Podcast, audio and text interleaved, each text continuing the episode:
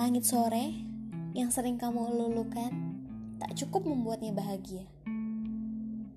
Dia tidak terpengaruh dengan puisi romantis tentang senja yang kamu perbincangkan di sudut kafe tempat kamu menikmati kopi. Obrolan yang kamu kira nyambung sebenarnya adalah bentuk penghargaannya terhadap dirimu. Menghargai dirimu yang selalu patah saat bersama orang lain. Dan kali ini, dia yang membuatmu menjadi korban untuk kembali patah. Modal senja dan kopi tak payah membuatmu terlihat seperti seseorang yang kesepian. Semoga kamu tetap dapat menemukan dia yang meramaikan harimu tanpa berpayah-payah berpuisi, sebab kamu adalah alasannya berpuisi.